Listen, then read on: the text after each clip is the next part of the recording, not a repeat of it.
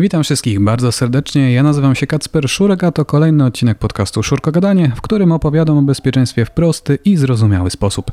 Moim dzisiejszym gościem jest Marcin Ludwiszewski. Marcinie, bardzo serdecznie dziękuję Ci, że przyjąłeś to zaproszenie. To może na początek, kim jesteś i czym się zajmujesz? Cześć wszystkim, nazywam się Marcin Ludwiszewski, e, jestem e, szefem zespołu Cyber Deloitte. E, takie trzy główne elementy, którymi zajmuje się nasz zespół, to, jest, to są testy ofensywne, obrona przed atakami i trzeci element to jest definiowanie takich długoterminowych planów strategicznych, jeśli chodzi o cyberbezpieczeństwo. Wiem, że Twój zespół zajmuje się red teamingiem. To może dla tych, którzy nie wiedzą, co to jest, co to jest red teaming? Red teaming to e, symulacja cyberataku, e, która e, jest ukierunkowana na pewne cele, które są uzgadniane z klientem albo z danym podmiotem, czy też odbiorcą takiego, takiej usługi. I jest to taki test, który jest oparty o scenariusz. Red teaming ogólnie ma za zadanie odzwierciedlić taki modus operandi na przykład cyberprzestępców i e, jeżeli na przykład ustalimy, że celem będzie na przykład kradzież danych, to taki red teaming, takie ćwiczenie, taka symulacja ma e, po prostu sprawdzić, czy jest możliwa kradzież takich danych, nie jakby koncentrując się na samym elemencie, jak to zrobić na samym początku. Tak? Czyli na samym początku, jak zdefiniujemy sobie cel, to, to nie definiujemy jakby szczegółów, jak będziemy to robić, tylko no, mamy to zrobić tak, jakby to robił cyberprzestępca na przykład. Czyli wyznacznikiem sukcesu jest co w takim red teamingu? Red teaming ogólnie, czyli tak, technicznie jest to pewien test bezpieczeństwa ukierunkowany na cele, jest on oparty o scenariusz, natomiast celem takim powiedzmy ostatecznym red teamingu jest przekazanie informacji e, decydentom w obszarze cyberbezpieczeństwa albo bezpieczeństwa ochrony informacji, dostarczenie im takich danych, do, e, które dadzą im pewne wskaźniki i pozwolą po, po, podjąć decyzję. Na przykład co do tego, jak ustalić priorytety w zakresie planu działania, albo na przykład y, w zakresie, e, nie wiem, koncentracji poszczególnych tutaj wysiłków, zasobów, na przykład na elementach bardziej prewencyjnych, czy też elementach wykrywania, bądź też, nie wiem, procesach, czy też technologii. Może być też tak, że na przykład ktoś wdraża jakąś technologię i tak do końca nie wie, czy ona działa. E, mówię, tak działa na, na produkcyjnie, że jest w stanie wykryć, bo wszystkie testy oczywiście przy wdrożeniu przeszły, e, ta technologia przeszła i, i wszystko działa, natomiast trzeba sprawdzić w praniu, czy jak już wepniemy to w całą organizację, czy na przykład system ochrony przed wyciekiem danych funkcjonuje tak, jak powinien. Często tak się jakby e, może tak to wygląda, że, że, że te systemy do końca nie funkcjonują poprawnie. No i taki test pozwala w tym momencie potwierdzić to lub, lub nie. Natomiast sam red teaming to jest tylko jeden z wielu elementów jakby budowania e, bezpieczeństwa, bo najważniejsze jest właśnie to, co się stanie z wiedzą, którą uzyskamy w takich testach, to, co się dzieje później. E, sam red teaming też nie jest jedyną formą prowadzenia takich testów ofensywnych. Mam jeszcze tak zwany red VS Blue, czyli ponieważ normalnie w red teamingu możemy mieć e, tryb taki, że po pierwsze organizacja nie wie, e, że jest przedmiotem ataku, poza oczywiście jakimiś osobami, decydentami, więc to jest taki tryb zupełnie blackboxowy, i przy minimalnej wiedzy atakującego organizację, ale jednocześnie e, przy minimalnej wiedzy organizacji, że będzie atakowana. Czyli właściwie możemy live przetestować świadomość pracowników, możemy zweryfikować, jak działają poszczególne środki. Nawet jeżeli zostaniemy wykryci, to też sprawdzamy właściwie, jak ten proces reagowania na incydenty działa, czy na przykład ktoś podjął dobrą decyzję, czy właściwie ocenił zagrożenie. Może być tak, że sieć jest już właściwie pod kontrolą atakującego, natomiast ktoś mówi, że a, właściwie ten atak miał, ten incydent ma niski priorytet i wszystko jest już posprzątane. Natomiast inną na przykład formą jest taka, że My współpracujemy, na przykład zespół Red współpracuje z zespołem Blue w dojrzałych organizacjach, które mają zespół Blue, czyli ten zespół, który broni, albo nie wiem, Security Operations, albo SOC, albo cokolwiek. I wtedy można definiować sobie pewne scenariusze razem, Red i Blue, czyli w takim trybie nazywamy to roboczo Purple. E, I wtedy przechodząc takie poszczególne sprinty, można, można analizować wyniki. W sensie Red zrobił to, bo miał zrobić tego typu atak, na przykład eskalację z, e, w trybie takim post-exploitation ze stacji roboczej do w jakimś kierunku. No i teraz patrzymy, czy, co Blue widzi. Tak? Jest na tej podstawie można bardzo dużo jakby wniosków takich technicznych sobie zdefiniować. Więc tutaj sam model tych, tych, tego red teamingu jest bardzo szeroki i, i ogólnie jest to bardzo w tej chwili duża specjalizacja. Jak będziemy dalej rozmawiać, to, to też na pewno jeszcze do tego dotkniemy. No dobrze, a w takich prostych słowach, czym to się różni od pentestu? Przede wszystkim jest zorientowany na cel, a nie na e, i nie ma zdefiniowanego zakresu. Tak? To znaczy, my nie mówimy, że będziemy testować w aplikacji podatność, podatności na przykład w danej aplikacji podatności versus OWASP, OWASP Top 10, tak? tylko mówimy, to jest organizacja, która się nazywa ABC i z tej organizacji mamy na przykład y, dokonać jakby kradzieży danych, głównej bazy danych na przykład. I my wtedy nie definiujemy jakby zakresu, że będziemy używać do tego infrastruktury, czy też spróbujemy się dostać, nie wiem, przełamać jakąś e, barierę, e, czy jakieś wykorzystać podatność w aplikacji, czy też będziemy używać socjotechniki, tylko wszystkie te elementy wykorzystujemy do tego, żeby do, zrealizować cel. I później na tej podstawie, tak jak powiedzieliśmy, można, przechodząc każdy wnioski z każdego etapu takiego ataku, przełożyć je na poszczególne zabezpieczenia, świadomość i właśnie poszczególne procesy bezpieczeństwa. I to jest ta największa wartość, tak? To teraz coś, co wszystkich interesuje najbardziej. Ile taki red teaming kosztuje i ile średnio trwa? Okej. Okay. Znaczy tak, e, tak jak powiedzieliśmy wcześniej, Red Teaming jest tylko jednym z wielu środków, które e, pomagają w budowaniu podejścia do bez zapewnienia bezpieczeństwa i zbudowania odporności takiej e, jakby organizacji. I tutaj tak naprawdę formuła tego red teamingu, ilość scenariuszy, ilość celów, wielkość organizacji ma duży wpływ na to, jak ta cena będzie ostatecznie wyglądać. Są red teamingi, które można zrobić, zmieścić się w kilkudziesięciu tysiącach złotych. Są red teamingi, które kosztują kilkaset tysięcy euro. E, powiedzmy szczerze, jeżeli mielibyśmy zaatakować małe, średnie przedsiębiorstwo i które ma kilkaset hostów, kilkanaście serwerów, mamy jakiś jeden scenariusz bazowy, a jeżeli mielibyśmy robić e, czteromiesięczne testy w organizacji finansowej i odzwierciedlać metody ataków, na przykład APT, no to to są jakby zupełnie ma inny jakby wymiar. Poza tym też e, oczywiście skala zabezpieczeń, dojrzałość organizacji jest zupełnie inna. E, no i tak jak mówię, profil atakującego. Bardzo ważne jest, żeby w toku oczywiście rozmów też odpowiednio zamodelować zagrożenie, które będziemy jakby symulować. Czyli jeżeli, nie wiem, chcemy, skupiamy się bardziej na atakach okazjonalnych, to wiadomo, że e, ten, ten jakby zdolność atakującego i, i taktyki, procedury, metodyka działania, czyli TTP, które będziemy e, odzwierciedlać, jest, e, no będzie takie właściwie na poziomie podstawowym.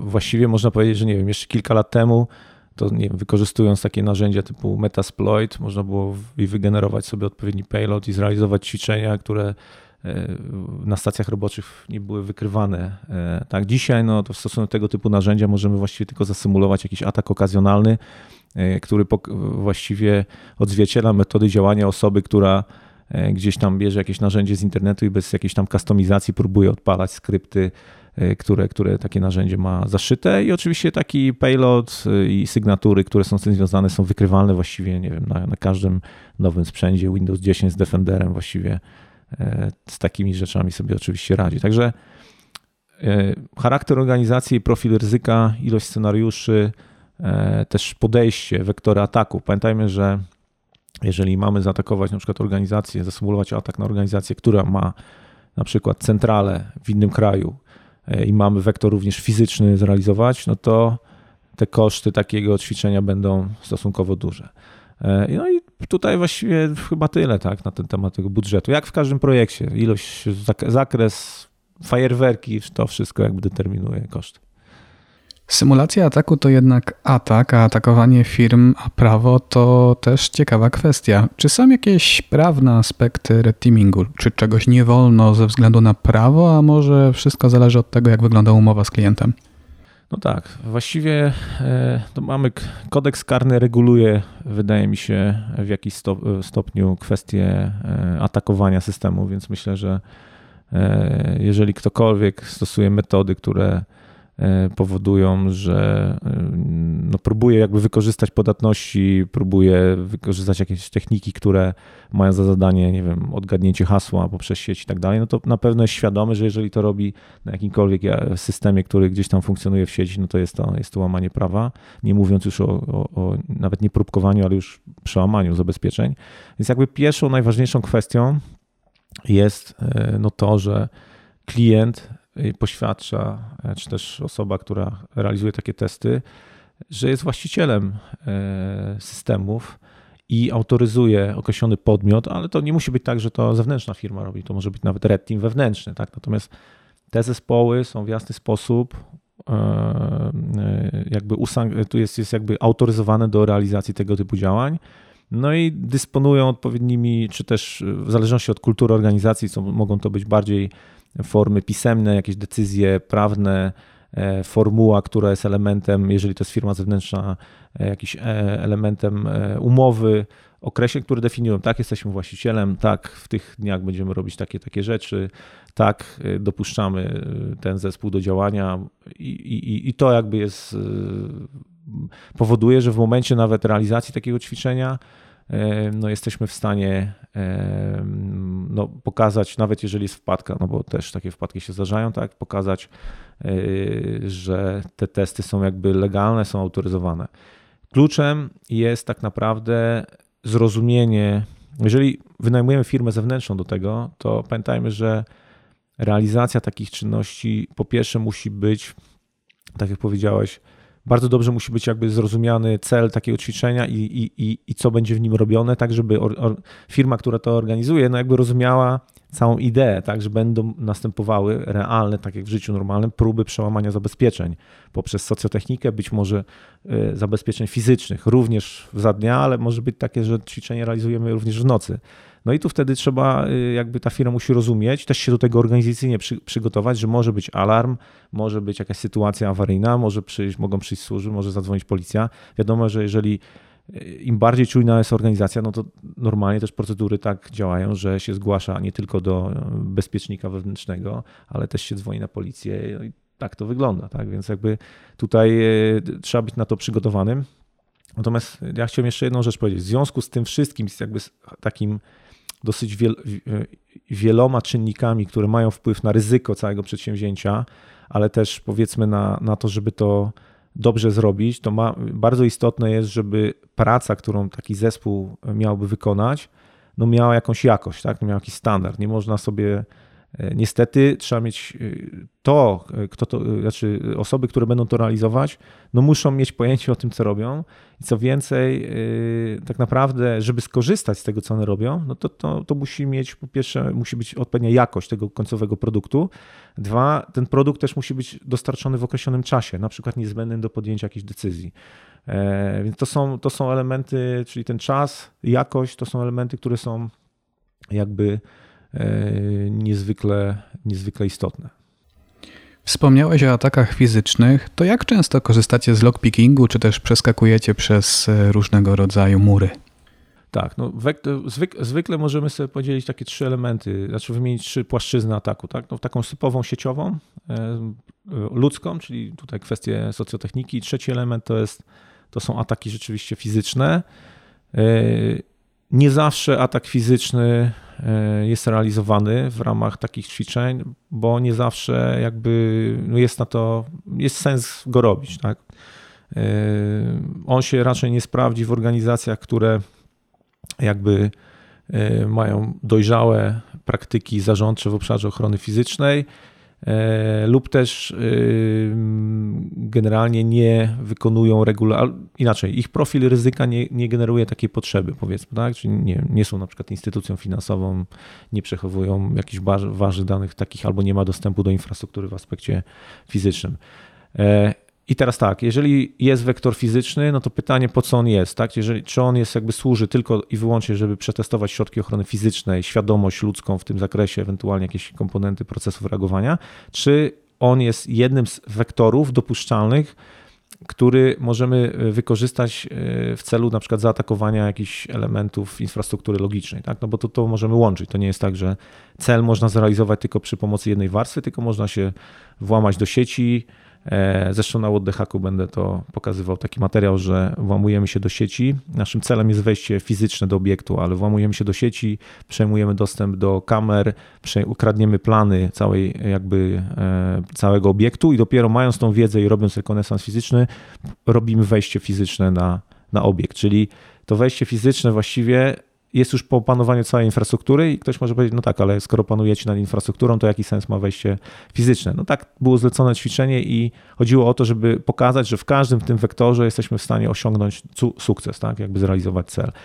Jest zawsze, ponieważ te testy są w jakimś określonym oknie czasowym i w określonych warunkach realizowane, więc jest decyzja, można powiedzieć, na bieżąco, czy wchodzimy w ten lockpicking, czy nie. Ewentualnie może być decyzja taka, że wchodzimy do obiektu, robimy zdjęcia, wychodzimy i jeżeli jest szansa ponownego powrotu, wtedy dopiero to, to z tymi zamkami się rozprawiamy, czyli po takim wstępnym rekonesansie. Tak? Natomiast nie, z reguły nie ma czasu na i też y, trzeba było mieć jakby oddzielną wiedzę, umiejętności tak naprawdę zbudowane na wysokim poziomie, żeby się zajmować y, tym profesjonalnie. Powiedzmy szczerze, my nie symulujemy ataków służb specjalnych na dany obiekt, y, które właściwie dysponują nieograniczonym jakby możliwościami w zakresie tutaj można powiedzieć no tutaj e, wykorzystania swojej wiedzy, umiejętności do tego, żeby przełamywać zabezpieczenia fizyczne, robiąc różne legendowanie, podchodząc pod taki obiekt i tak dalej, w wielomiesięcznym powiedzmy trybie, tak? Tylko my mamy określone okno czasowe i w takim trybie często po prostu symuluje się atak okazjonalny, patrzy się, czy są otwarte okna, patrzy się, forsuje się ewentualnie zabezpieczenia fizyczne, takie strefy, przechodzi się przez taką strefę administracyjną, która jest na przykład oddzielona płotem, E, później się wchodzi na obiekt, szuka się elementów e, takich, które są wrażliwe, na przykład, nie wiem, jeżeli e, ktoś posiada bardzo rozbudowaną infrastrukturę techniczną, która, od której zależy na przykład cała, nie wiem, linia produkcyjna, ale, ale nie chroni tego elementu zasilania, klimatyzacji, tego maszyn, które kontrolują całą linię, no to to jest element, gdzie dostanie się nawet w sposób okazjonalny może jakoś tam spowodować jakieś skutki. Więc tu jest bardzo dużo jakby elementów, jakby zależy no jak jest, jak jest dany scenariusz układany i pod, pod jaką organizację. A co z komórkami? Czy atakujecie komórki? A może jest to problematyczne, bo nigdy nie wiadomo, czy ta komórka należy do firmy, a może jest własnością danego użytkownika? No właśnie, to jakby komórki ogólnie e, to jest jakby trudny temat. E, zdarzyło się jakby, że, że takie komórki były w zakresie. Niemniej jednak powiedzmy szczerze, e, zaatakowanie komórki jest bardzo drogie w naszej ocenie, zwłaszcza jeżeli to jest na przykład Apple z, najnow, jakby zaktualizowanym systemem operacyjnym. My nie wykorzystujemy do ataków, znaczy nie, nie, nie mogę powiedzieć, jak w sumie nie zawsze, ale generalnie co do zasady no, spalenie Zero Day'a na testy red teamowe iPhone'a i, i targetowanie iPhone'a pewnie, pewnie nie miałoby większego sensu. Poza tym no, taki Zero Day lepiej było pewnie go sprzedać i, i więcej na, kasy na tym zarobić, ale, ale wydaje mi się, że e, też, e, znaczy inaczej, e, pytanie jaki miał być cel też takiego ćwiczenia, tak? No bo co mieliśmy zrobić? Jeżeli mielibyśmy podsłuchać kogoś, to być może są tańsze sposoby niż zaatakowanie iPhone'a. Nie wiem, jeżeli celem byłoby sprawdzenie, czy na przykład można w łatwy sposób śledzić poczynania zarządu, który właśnie dyskutuje o tym z kilkoma na przykład private, firmami private equity, za ile coś, kawałek organizacji będzie oddawał albo przejmował, no to wtedy być może łatwiej użyć jakiejś socjotechniki, dostać się do grupy, która dyskutuje na ten temat mailowo, albo patrzeć, czy nie ma interfejsów jakichś wystawionych do sieci, gdzie być może można w jakiś łatwy sposób odgadnąć proste hasła, dostać się do tej grupy, i w cichy sposób śledzić taką dyskusję przez parę tygodni, później być może aktywizować się w odpowiednim momencie, mając już zbudowany, rozumiejąc kontekst jakby tej dyskusji, żeby osiągnąć dany cel. Tak? To jakby zależy od, od celu. Wspomniałeś wcześniej o wstępnym rozpoznaniu. Co to jest i jak dużą rolę odgrywa w Waszej pracy? Ogólnie wydaje mi się, że jeżeli ktokolwiek wykonuje testy bezpieczeństwa, no to, to, to, to myślę, że on doskonale rozumie, że jakby rekonesans e, to jest właściwie podstawa każdej pracy. E, I mówimy tutaj o takich typowych narzędziach rekonesansu, e, takiego pasywnego albo aktywnego. Pasywnego, aha, w ogóle jeszcze rekonesansu w rozumieniu infrastruktury sieciowej, tak, na przykład infrastruktury, którą widzimy w sieci internet, która widzimy, nie wiem, stronę www, ale widzimy też jakieś usługi, które są wystawione do sieci internet, widzimy porty, widzimy interfejsy jakieś zewnętrzne, do których można się próbować dostać. Czyli to jest ten aspekt sieciowy. Mamy jeszcze rekonesans osobowy, czyli możemy rozpoznać, kto pracuje na jakim stanowisku, typowe takie techniki os osintowe. Mm, e, możemy też dzwonić do tych osób, tak, podając się za kogokolwiek innego i pytać o jakieś różne rzeczy. Możemy się podawać z IT, pytać, jakie mają, czy zaktualizował się antywirus, jaka jest nazwa tego. Więc to są bardzo, ten rekonesans jest jakby złożony z aspektów sieciowych, też ludzkich. No i fizyczny komponent, no to oczywiście jest rozpoznanie obiektu, jak działa ochrona, e, jakie środki bezpieczeństwa są stosowane, e, jak one są, e, można powiedzieć, jak, jaki jest na przykład rutyna dnia takiego, takiej ochrony, jak wygląda obiekt, jakie jest zachowanie, na przykład, nie wiem, jak wchodzi na przykład personel sprzątający na obiekt, tak, jak, o której godzinie ludzie wchodzą do pracy, o której wychodzą, czy na przykład osoba, która stoi na, tutaj pilnuje na przykład bezpieczeństwa w takim obiekcie, czy ona zawsze jest na tym stanowisku, czy jak coś się dzieje, jak ona reaguje. To jest szereg różnych aspektów. Podstawą w ogóle wszelkich działań jest, ja, ja uważam, że rekonesans jest najbardziej tutaj ogólnie jest to kluczowy element w ogóle realizacji ataku. Czasami rekonesans zajmuje więcej niż sam atak i ja uważam, że jeżeli ktoś chce to zrobić dobrze, to przede wszystkim to jest też cecha osób, które powinny realizować testy. Tak? To, to, te osoby powinny być cierpliwe.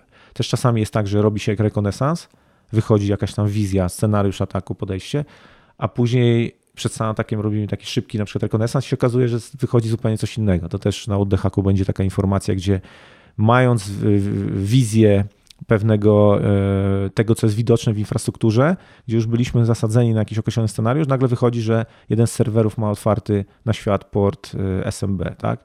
I nagle, aha, no to może ten SMB w tą stronę, tak? Nagle to jakby zmienia całą postać rzeczy, więc trzeba mieć ten rekonesans, on definiuje plan gry. Jeżeli teraz mamy plan gry, no to ten plan gry powinien mieć różne warianty w zależności od tego, co się wydarzy, tak? No i to więcej tak wygląda. Czy zdarzyły się wam jakieś wpadki? Ktoś zadzwonił po policję, ochroniarze was zdemaskowali?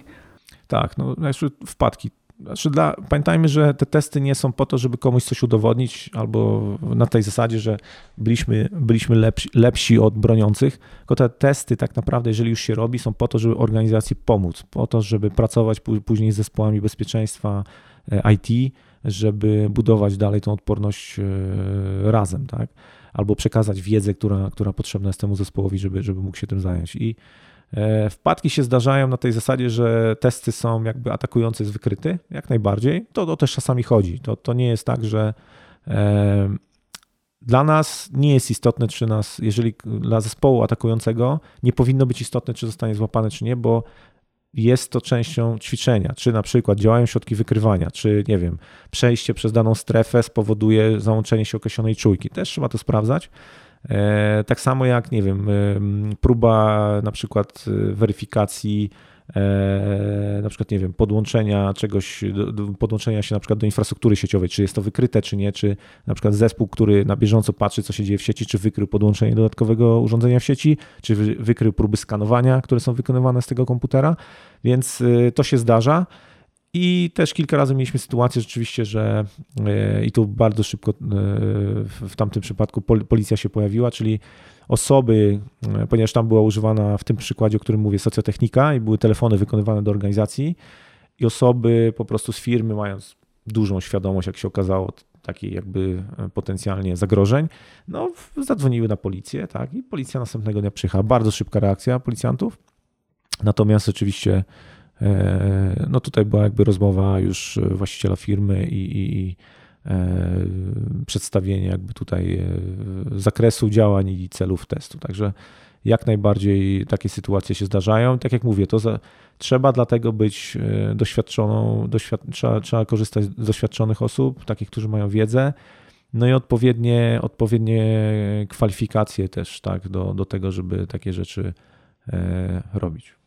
To może możesz się podzielić ze słuchaczami jakimiś ciekawymi akcjami, akcjami ciekawymi. E, to znaczy, właśnie, to też chciałem jakby powiedzieć, że o ile tak, taki test ofensywny daje nam bardzo, bardzo dużo zabawy, e, no to myślę, że nie, nie przedstawiałbym tego w charakterze akcji. No są to na pewno takie działania, które ma, które, no mówię, dają dużo radości i rzeczywiście no, to jest takie, można powiedzieć, legalne hakowanie firm. Natomiast za tym ideą tego działania jest później zbudowanie odporności, więc, więc nie nazywam tego akcjami, tak? Jest to też jakieś, mamy ograniczone okno czasowe na realizację, więc jest to pewne przeprowadzenie pewnego, e, pewnych działań, które mają na celu zasymulowanie e, prawdziwego ataku. Czy mogę się podzielić? Na oddechaku się będę dzielił. Na oddechaku się też będzie Patryk z Pawłem się dzieli swoimi e, aspektami, e, jakimiś historiami. E, co ciekawego, no robiliśmy różne rzeczy. Na przykład, nie wiem, mieliśmy, atakowaliśmy na przykład hotel, więc mieliśmy autoryzację na, na hakowanie na przykład sieci hoteli. No to się włamaliśmy do hotelu i zrobiliśmy sobie rezerwację i pojechaliśmy do tego hotelu po prostu na tą rezerwację, tak? I później robiliśmy testy fizyczne w tym hotelu.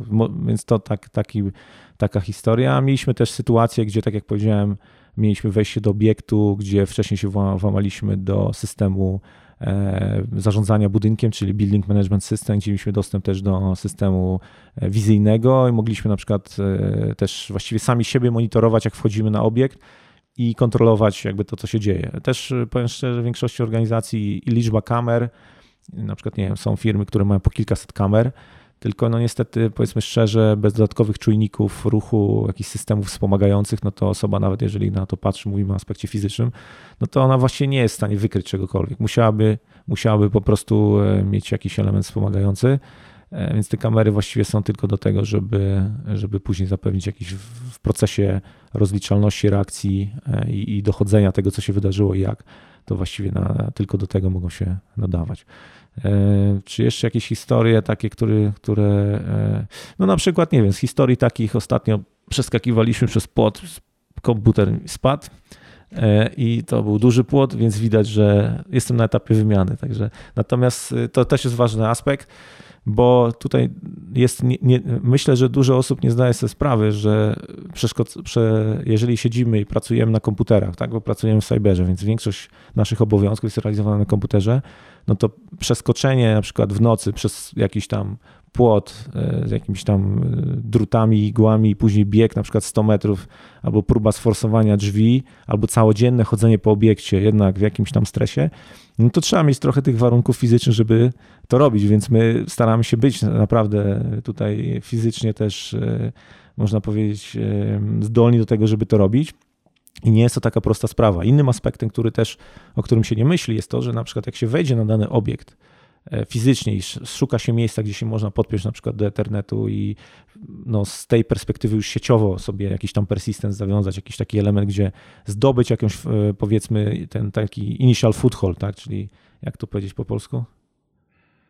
generalnie przyczółek zdobyć taki, tak, żeby się w tej sieci osadzić, e, założyć sobie gdzieś, zdobyć takie przywileje, które umożliwią nam e, sobie zdefiniowanie takiego kanału persistence, no to, czyli możliwości później wyjścia do tej infrastruktury gdzieś tam e, już spoza samej organizacji, no to to jeżeli się wchodzi na obiekt, tam się chodzi cały dzień, to po pierwsze trzeba być do tego przygotowanym, tak? Trzeba mieć, wyglądać jak człowiek z tej organizacji, po drugie zachowywać się, mieć rozpoznane właśnie taką kulturę organizacyjną, co można, czego nie można, mieć sprzęt i to trzeba pamiętać, że ten sprzęt czasami nam się, nie wiem, przy różnych przeskokach przejścia przez jakieś rzeczy, czasami się zbije, e, kilka razy nam się zbił telefon, tutaj wypadek z komputerem, trzeba mieć przy sobie wodę, bo są różne obiekty, tak, mogą być olbrzymie obiekty, gdzie są hale produkcyjne, i jednak nawet jak e, próbujemy sforsować te środki bezpieczeństwa fizyczne, to wejście czasami w 2-3 godziny szukamy miejsca, gdzie możemy się podłączyć do sieci. No to trzeba być wyposażonym w jakąś wodę, tam, jakieś środki, żeby prze, przeżyć tam w środku,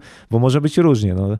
E, trzeba mieć też łączność i tutaj przy takich elementach, gdzie na przykład jest bardzo, gdzie jest aktywna, aktywna ochrona, to znaczy jest e, na przykład jest wejście e, robione, próba wejścia w nocy, jest aktywna ochrona, to znaczy taka, że, że ona jest wyposażona w jakieś narzędzia, które, które no, mogą tutaj zagrażać atakującemu, to trzeba mieć już skoordynowaną, tutaj można powiedzieć, taką obserwację obiektu i koordynację tej komunikacji, koordynację przez kanał jakiejś łączności, żeby można było no, panować nad tym, co się dzieje, tak? bo, bo o ile dysponujemy jakimiś, bo jesteśmy w stanie się wylegitymować, no to Gazem po oczach tak, można nie, nie dostać. nie, chciałbym, nie chciałbym tego robić już po, po użyciu jakichś tam tutaj, mówię, środków przymusu bezpośredniego przez, przez ochroniarzy.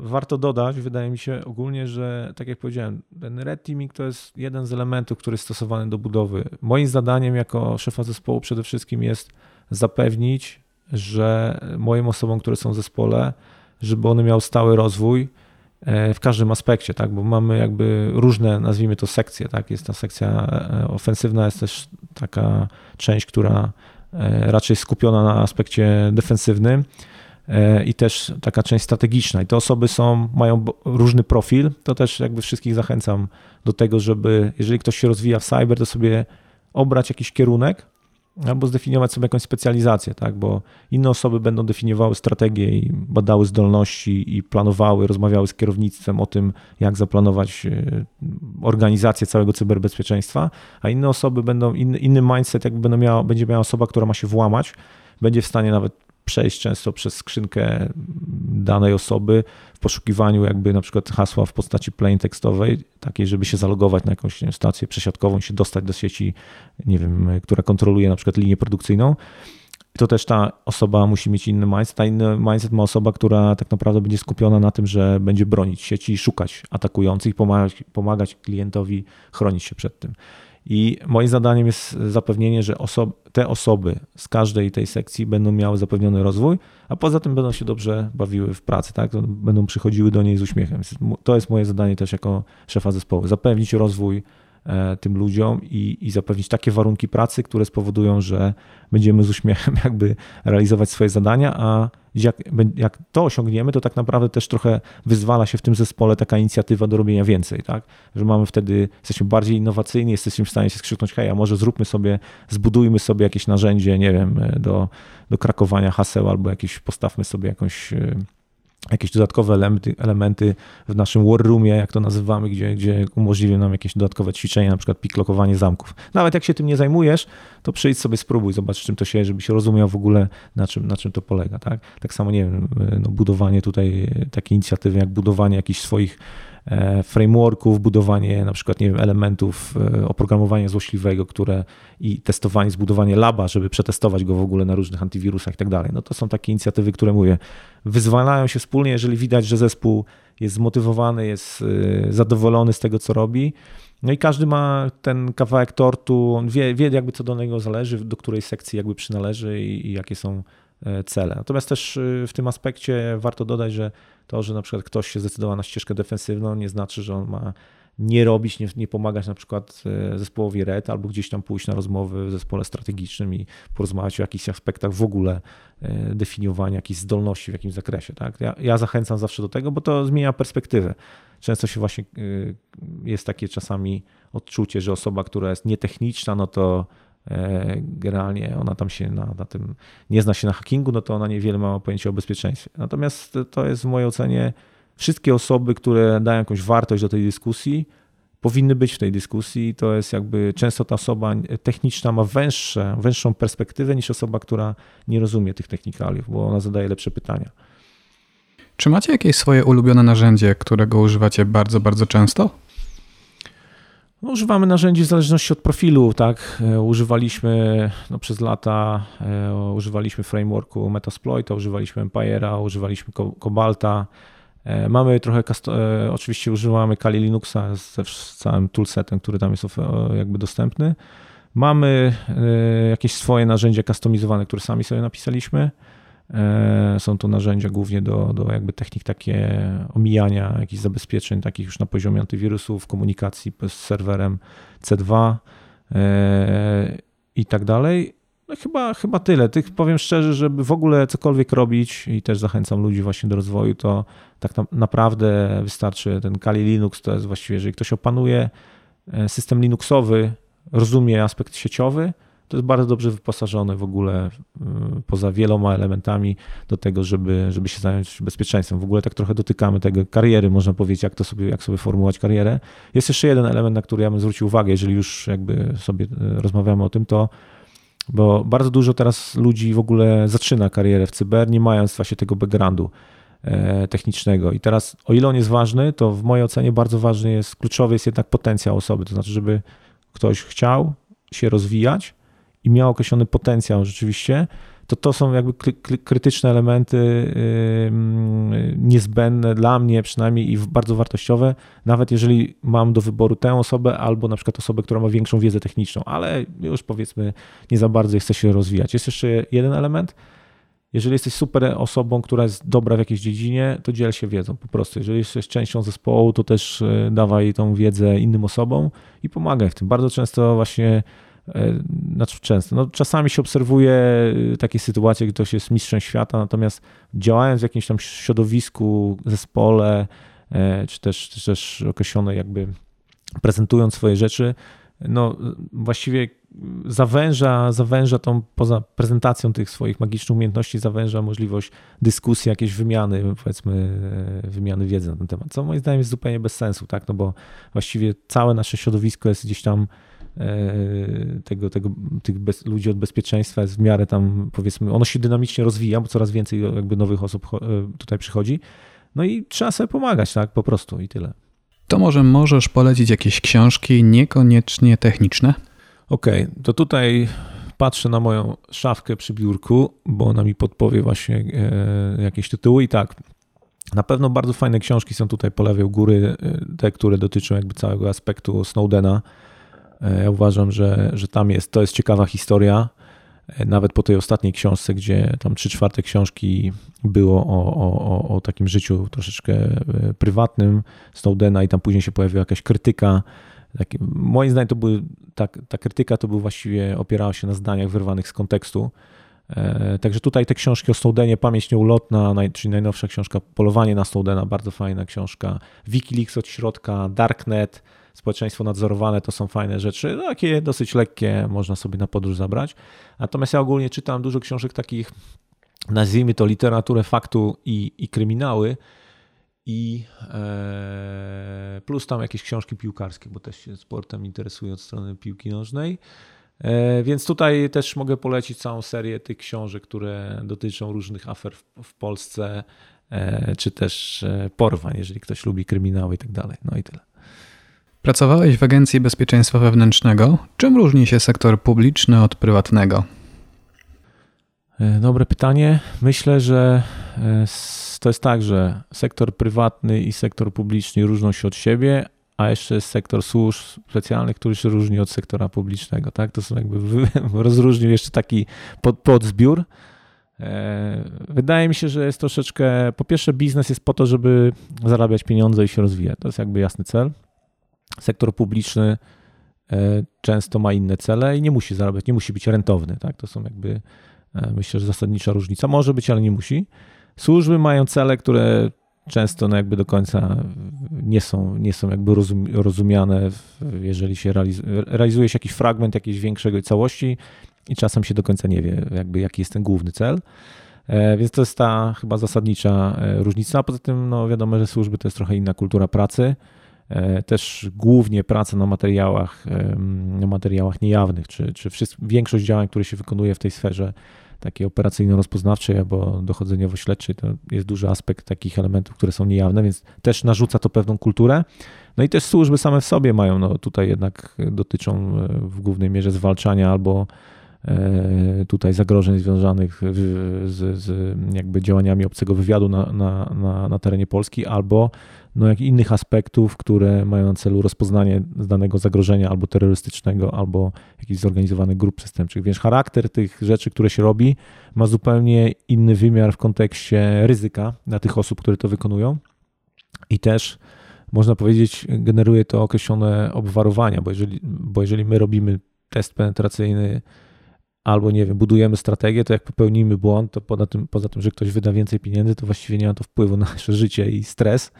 E, albo co się ma, jakby te konsekwencje są małe relatywnie, natomiast no jakby realizują takie działania już w obszarze sfery publicznej, no będąc na froncie normalnych takich działań, no to właściwie no, tu można, nawet nie chodzi mi o zagrożenie ze strony tego podmiotu, który się zwalcza, ale chociażby, nie wiem, naruszenie procedur przypadkowe, na przykład realizacji takich czynności, no powoduje, że ryzyko dla osób, które są jest bardzo duże, także dlatego ja bardzo cenię zawsze osoby, które są tutaj, pracują w służbach, e, są policjantami, nie wiem, e, to są osoby, które naprawdę no, realizują bardzo dużo, często wykraczając poza, poza taki normalny tryb działania, to znaczy robiąc więcej niż muszą. I często są to osoby z, pa, z, pa, z pasją. Ja zawsze mówię, czy sektor jest prywatny, czy, czy publiczny, nie ma znaczenia, jakby wartościowe osoby są i tu, i tu. Czego nauczyła Cię praca w ABW? No ja właściwie byłem 10 lat, więc można, była to, była to moja pierwsza praca, więc właściwie ona mnie do pewnego stopnia ukształtowała. Wydaje mi się, że ona jak gdzieś tam utwierdziła mnie w, w tym, żeby właśnie realizować swoje cele, być zdeterminowanym, podejmować ryzyko, że popełniać błędy, jakby uczyć się na tym. No i chyba tyle. To jak przekonać młodych i zdolnych do pracy w sektorze publicznym? No bo wiemy, że pieniądze jednak nie będą tutaj grały najwyższej roli. No właśnie, ja, ja, myślę, że na pewnym etapie, zależy od też etapu e, właśnie kariery zawodowej. Wydaje mi się, że jeżeli ktoś jest zdeterminowany, żeby, żeby nauczyć się rzeczy, żeby mieć e, dużą odpowiedzialność na, na sobie, żeby działać e, e w jakimś powiedzmy w celach, które e, no są e, jakby zdefiniowane jako na przykład obrona przed konkretnymi wiem, ofensywnymi działaniami, na przykład tak jak powiedzieliśmy sobie obcego wywiadu w tej warstwie na przykład technicznej, no to to, są, e, to jest obszar, gdzie rozwój, odpowiedzialność, tempo tego rozwoju będzie na pewno bardzo wysokie. I no też można powiedzieć charakter, charakter takiej, takiej pracy myślę, że E, pozwala czuć się, że jest częścią rzeczywiście jakiejś e, idei, która ma no coś więcej na celu niż tylko właśnie no nie, wygenerować jakiś przychód, tak, albo dochód, tak, no whatever. Współtworzyłeś rządowy zespół reagowania na incydenty komputerowe. Co to za podmiot i dlaczego powstał? Okej, okay, e, no tak. Mniej więcej w 2007 roku, znaczy inaczej, Ogólnie wszystkie prace na temat utworzenia takiego zespołu i utworzenia zdolności na poziomie rządowych, z tego co pamiętam, zaczęły się już około 2003 roku, gdzie powstawały grupy robocze tutaj na poziomie e, rządu do ochrony krajowej e, infrastruktury krytycznej e, w zakresie bezpieczeństwa teleinformatycznego. I one później przerodziły się wraz z takim, powiedzmy, ukierunkowaniem NATO na aspekty ochrony cyberprzestrzeni i między innymi atakach w Estonii w 2007 roku, powstała taka inicjatywa i pomysł, żeby utworzyć właśnie zespół, który miałby za zadanie e, no, być takim rządowym CERT-em, bo, e, który byłby odpowiedzialny za tą sferę administracji publicznej. No i w tamtym czasie, to już było ponad 10 lat temu, była taka idea, żeby na mocy porozumień pomiędzy tam w tamtym czasie chyba ABW i MSW utworzyć taką koncepcję, później napisać całą politykę właśnie ochrony cyberprzestrzeni i, i, no i zdefiniować sobie e, takie długoterminowe plany w zakresie tego, żeby gdzieś tam w, w kolejnym etapie wdrożyć ustawę, która by sankcjonowała ten element. E, mając narzędzia i działając w określonych okolicznościach, to wyglądało w różnie w tamtym czasie, niemniej jednak ten zespół powstał. Wydaje mi się, że cały czas działa, cały czas wiem, że, że y, chłopaki tam działają, są dużo na, na przestrzeni lat, pewne osoby odeszły, ale są też nowe i na pewno, na pewno jest to fajnie zmotywowana ekipa e, i dobrze, że jest też ustawa, która definiuje już jasno, czym ten zespół ma się zajmować. Czy da się zapewnić bezpieczeństwo informatyczne wszystkich urzędów w Polsce? Przecież każdy z tych urzędów to osobna placówka, która de facto nie ma zespołu bezpieczeństwa, który jest dedykowany tylko dla tego jednego miejsca. Co nie wiem. Wydaje mi się, że nie da się zapewnić y, wszystkim stuprocentowego bezpieczeństwa, niezależnie czy jesteś urzędem, czy nie. Natomiast y, tak na serio odpowiadając, to ja przy o ograniczonych zasobach wydaje mi się, że kluczem jest jakby centralizacja pewnej idei i, elementów zarząd, zarządczych. Znaczy, jeżeli tworzymy możliwości, nie wiem, chcemy umożliwić na przykład rozbudowywanie aspektów E, na przykład digitalizować urzędy, to musimy dać jakąś platformę do tego, tak? Czyli tą platformą być może będzie ten aspekt chmury hybrydowej, która w tej chwili się powstaje, która zapewni jakieś moc przetwarzania danych i potencjalnie dostęp dla takich urzędów do czegoś, co jest kontrolowane centralnie i zabezpieczone. Więc ja bym, ja bym tutaj szukał raczej takiego konsensusu, jak w sposób taki centralny zapewnić, żeby te jednostki terenowe, które dysponują mniejszymi kompetencjami i zasobami, mogły skorzystać e, właśnie z pewnych elementów takiego, takiego systemu. No właśnie, pieniądze. Posiadając mały budżet, z Twojej perspektywy, w co warto zainwestować, aby jak najbardziej zwiększyć bezpieczeństwo informatyczne swojej firmy? Okej. Okay.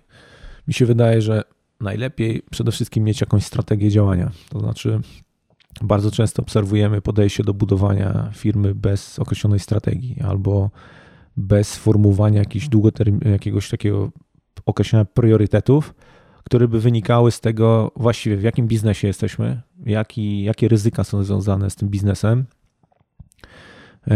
i te ryzyka też y, powinnam, oczywiście my wtedy dyskutujemy, czy mamy apetyt na dane ryzyko albo, albo nie, albo czy zarządzamy tym ryzykiem w jakiś sposób. No i to de determinuje nam jakieś, jakieś ustalenie jakichś priorytetów działania. Więc ja bym w ogóle zaczął od jakiegoś przemyślenia w ogóle formuły, co my chcemy zrobić. Czyli co chcemy zrobić, a dopiero później jakby określał jak.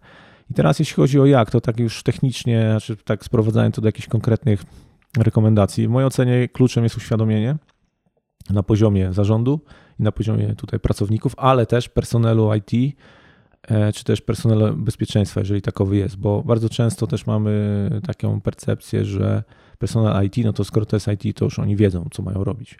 Często też jest tak, że brakuje tam po prostu wiedzy, umiejętności, doświadczenia, żeby takie rzeczy robić. Więc uświadomienie i szkolenie to jest w mojej, w mojej ocenie pierwsza rzecz, poza oczywiście tą strategią. E, trzy, e, też nie skupiałbym się za nadto na jakiejś konkretnej jednej technologii, tak? bo to jest jakby bardzo złudne, że konkretna technologia załatwia nam temat. Myślę, że skupiłbym się na, e, nie tylko na aspekcie prewencji, ale przede wszystkim na aspekcie wykrywania, w zależności od, od, od biznesu.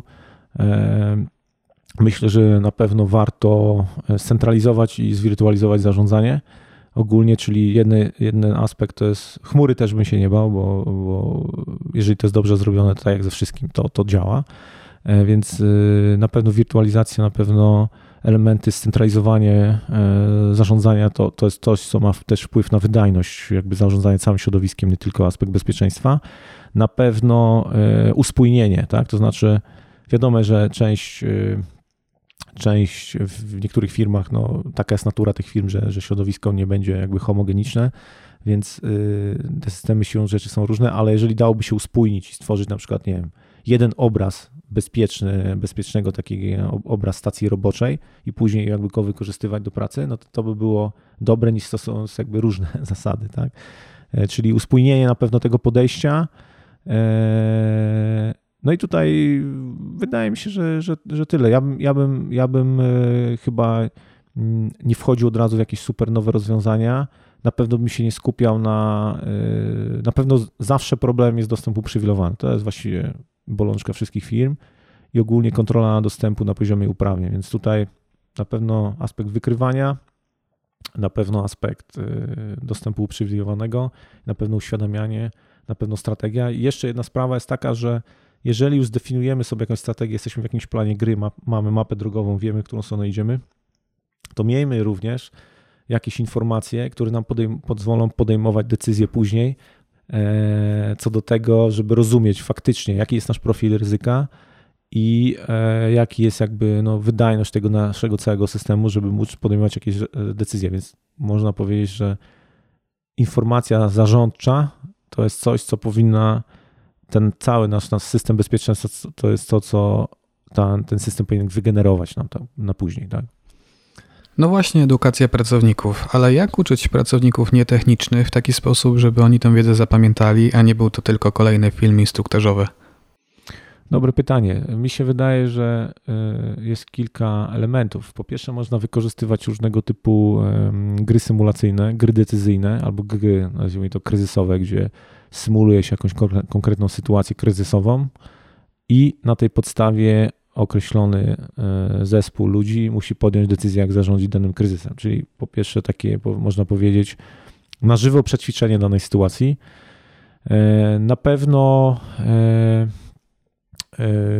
no, przedstawianie, pokazywanie ludziom pewnych spraw, jakby nie mówiąc o, o, o jakimś tam górnolotnych bytach, jakiś, tylko po prostu przedstawianie konkretnych przykładów. Włamano się do firmy takiej i takiej, w taki sposób, uzyskano taką i taką wiedzę. Na tej podstawie możemy stwierdzić, że miał, jest to podobny profil organizacji. U nas też się może tak to wydarzyć, ponieważ mamy określone elementy bezpieczeństwa albo ich nie mamy i ma to takie, a takie konsekwencje. Czyli właściwie nie dotykam aspektu technicznego, e, tylko mm, tutaj formułuję to na bazie jakichś przykładów e, i, i takich historii, które gdzieś się wydarzyły,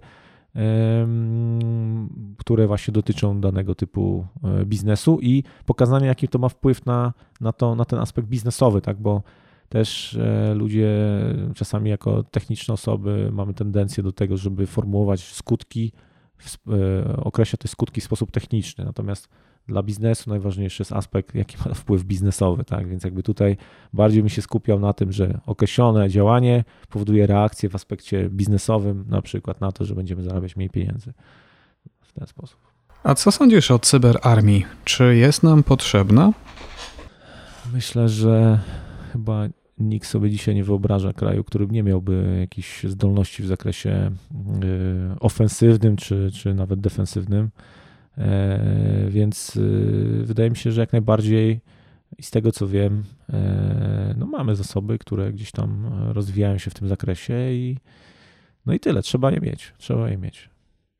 A z Twojej perspektywy najczęściej popełniane przez nas błędy to? Myślę, że lekceważymy taki błąd, który często wykorzystujemy i myślę, że to jest takie lekceważenie wszystkich, to jest zapisywanie haseł w plain tekście gdzieś tam w zasobach, na przykład na skrzynce, albo na pulpicie, albo gdzieś tam na jakichś share drive'ach. Ja nie mówię tylko o zwykłych użytkownikach, ale też o administratorach. E, musisz mi uwierzyć, że bardzo wiele ataków jest skutecznych, ponieważ po dostaniu się do sieci wewnętrznej można przeszukać zasoby,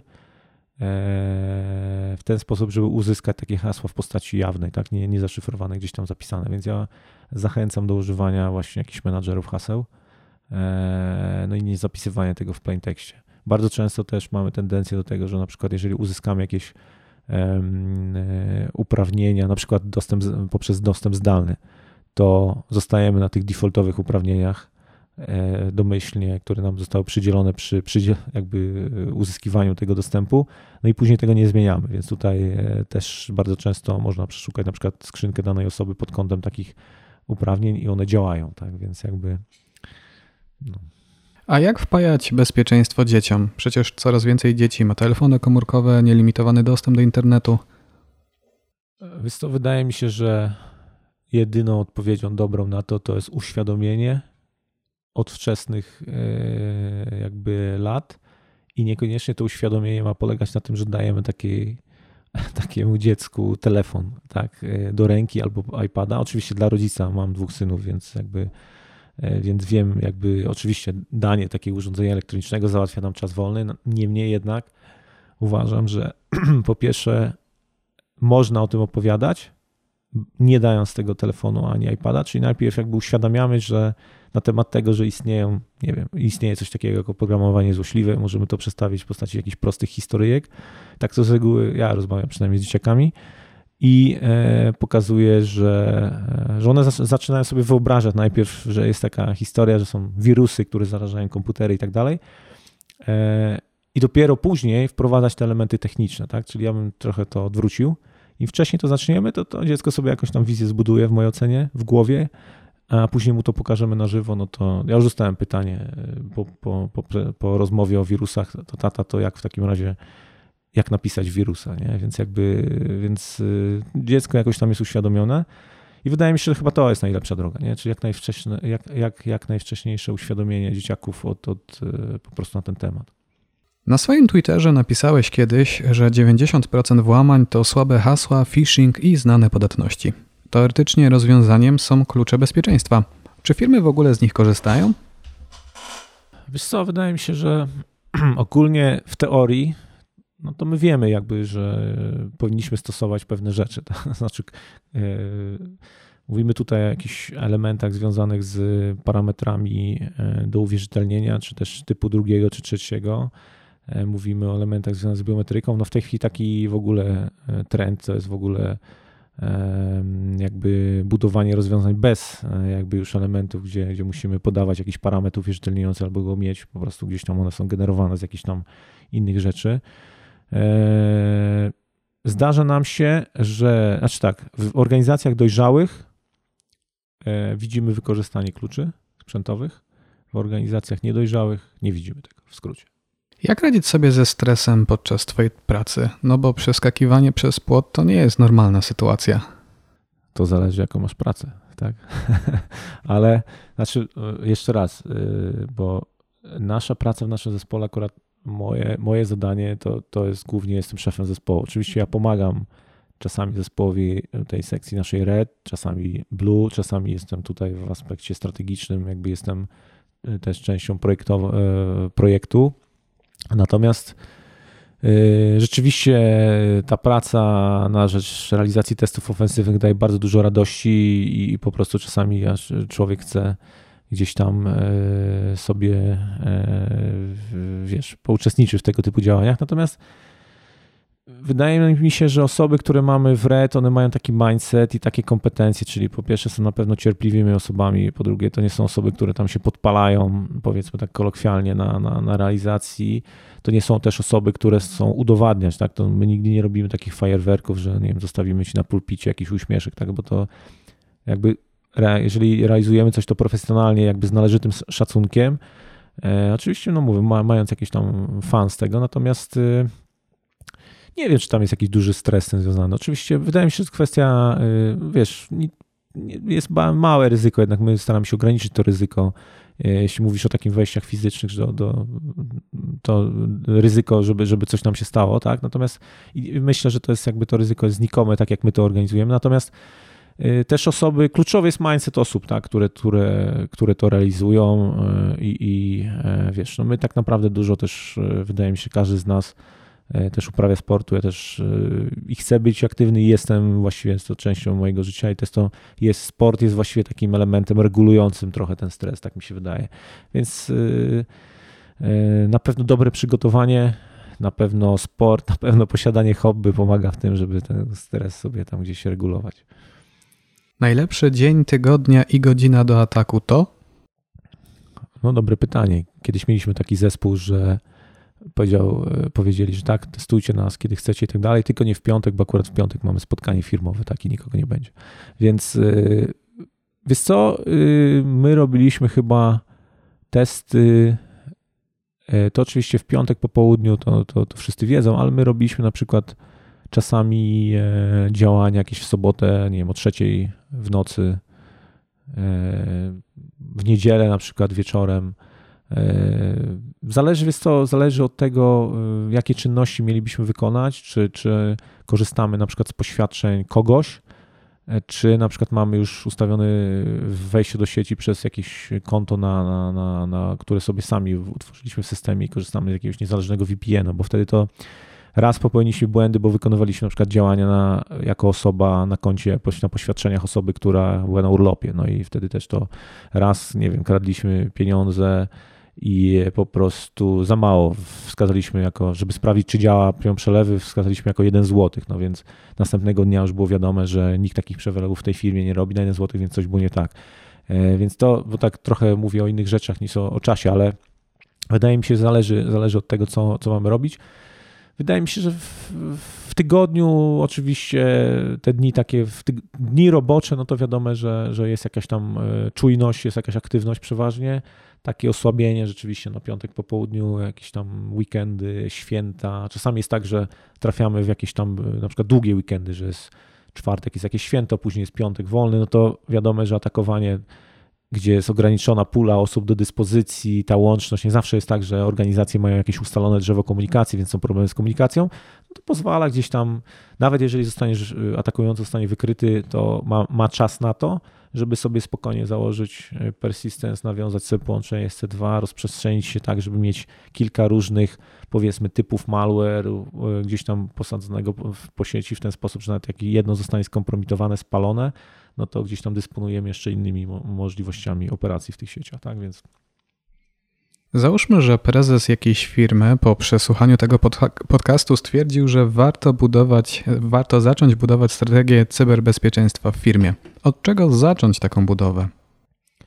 No tak jak powiedziałem, po pierwsze, wydaje mi się, że kluczowe jest zrozumienie e, ryzyk e, wynikających, tego profilu ryzyka wynikającego z biznesu, który e, wykonujemy, bo jeżeli będziemy, nie wiem, biznesem e-commerce'owym, to właściwie zabezpieczenie infrastruktury takiej od strony aplikacji, zabezpieczenie całego weba, no to jest jakby nasz klucz, który no powinniśmy się, na którym się powinniśmy skupić, czyli e, jeżeli mamy firmę, która operuje nie wiem, na danych osobowych i mamy tych danych, nie wiem, 5 milionów, no to powinniśmy się skupić na ryzyku być może wycieku tych danych e, i, i, i od tej strony jakby starać się budować całe podejście do, do bezpieczeństwa. Więc moim zdaniem e, rodzaj biznesu, profil ryzyka i wtedy można definiować na czym się powinniśmy skupić, czy na aspekcie aplik ochrony aplikacji, czy infrastruktury, czy na przykład, nie wiem, posiadaniu e, no, wystarczających zasobów, żeby na przykład e, realizować aktywny monitoring, bo wiemy, że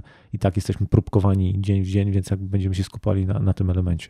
Marcinie, bardzo serdecznie dziękuję Ci za wzięcie udziału w tym podcaście. E, no i dzięki. Dzięki bardzo. Do usłyszenia, do zobaczenia. Hej.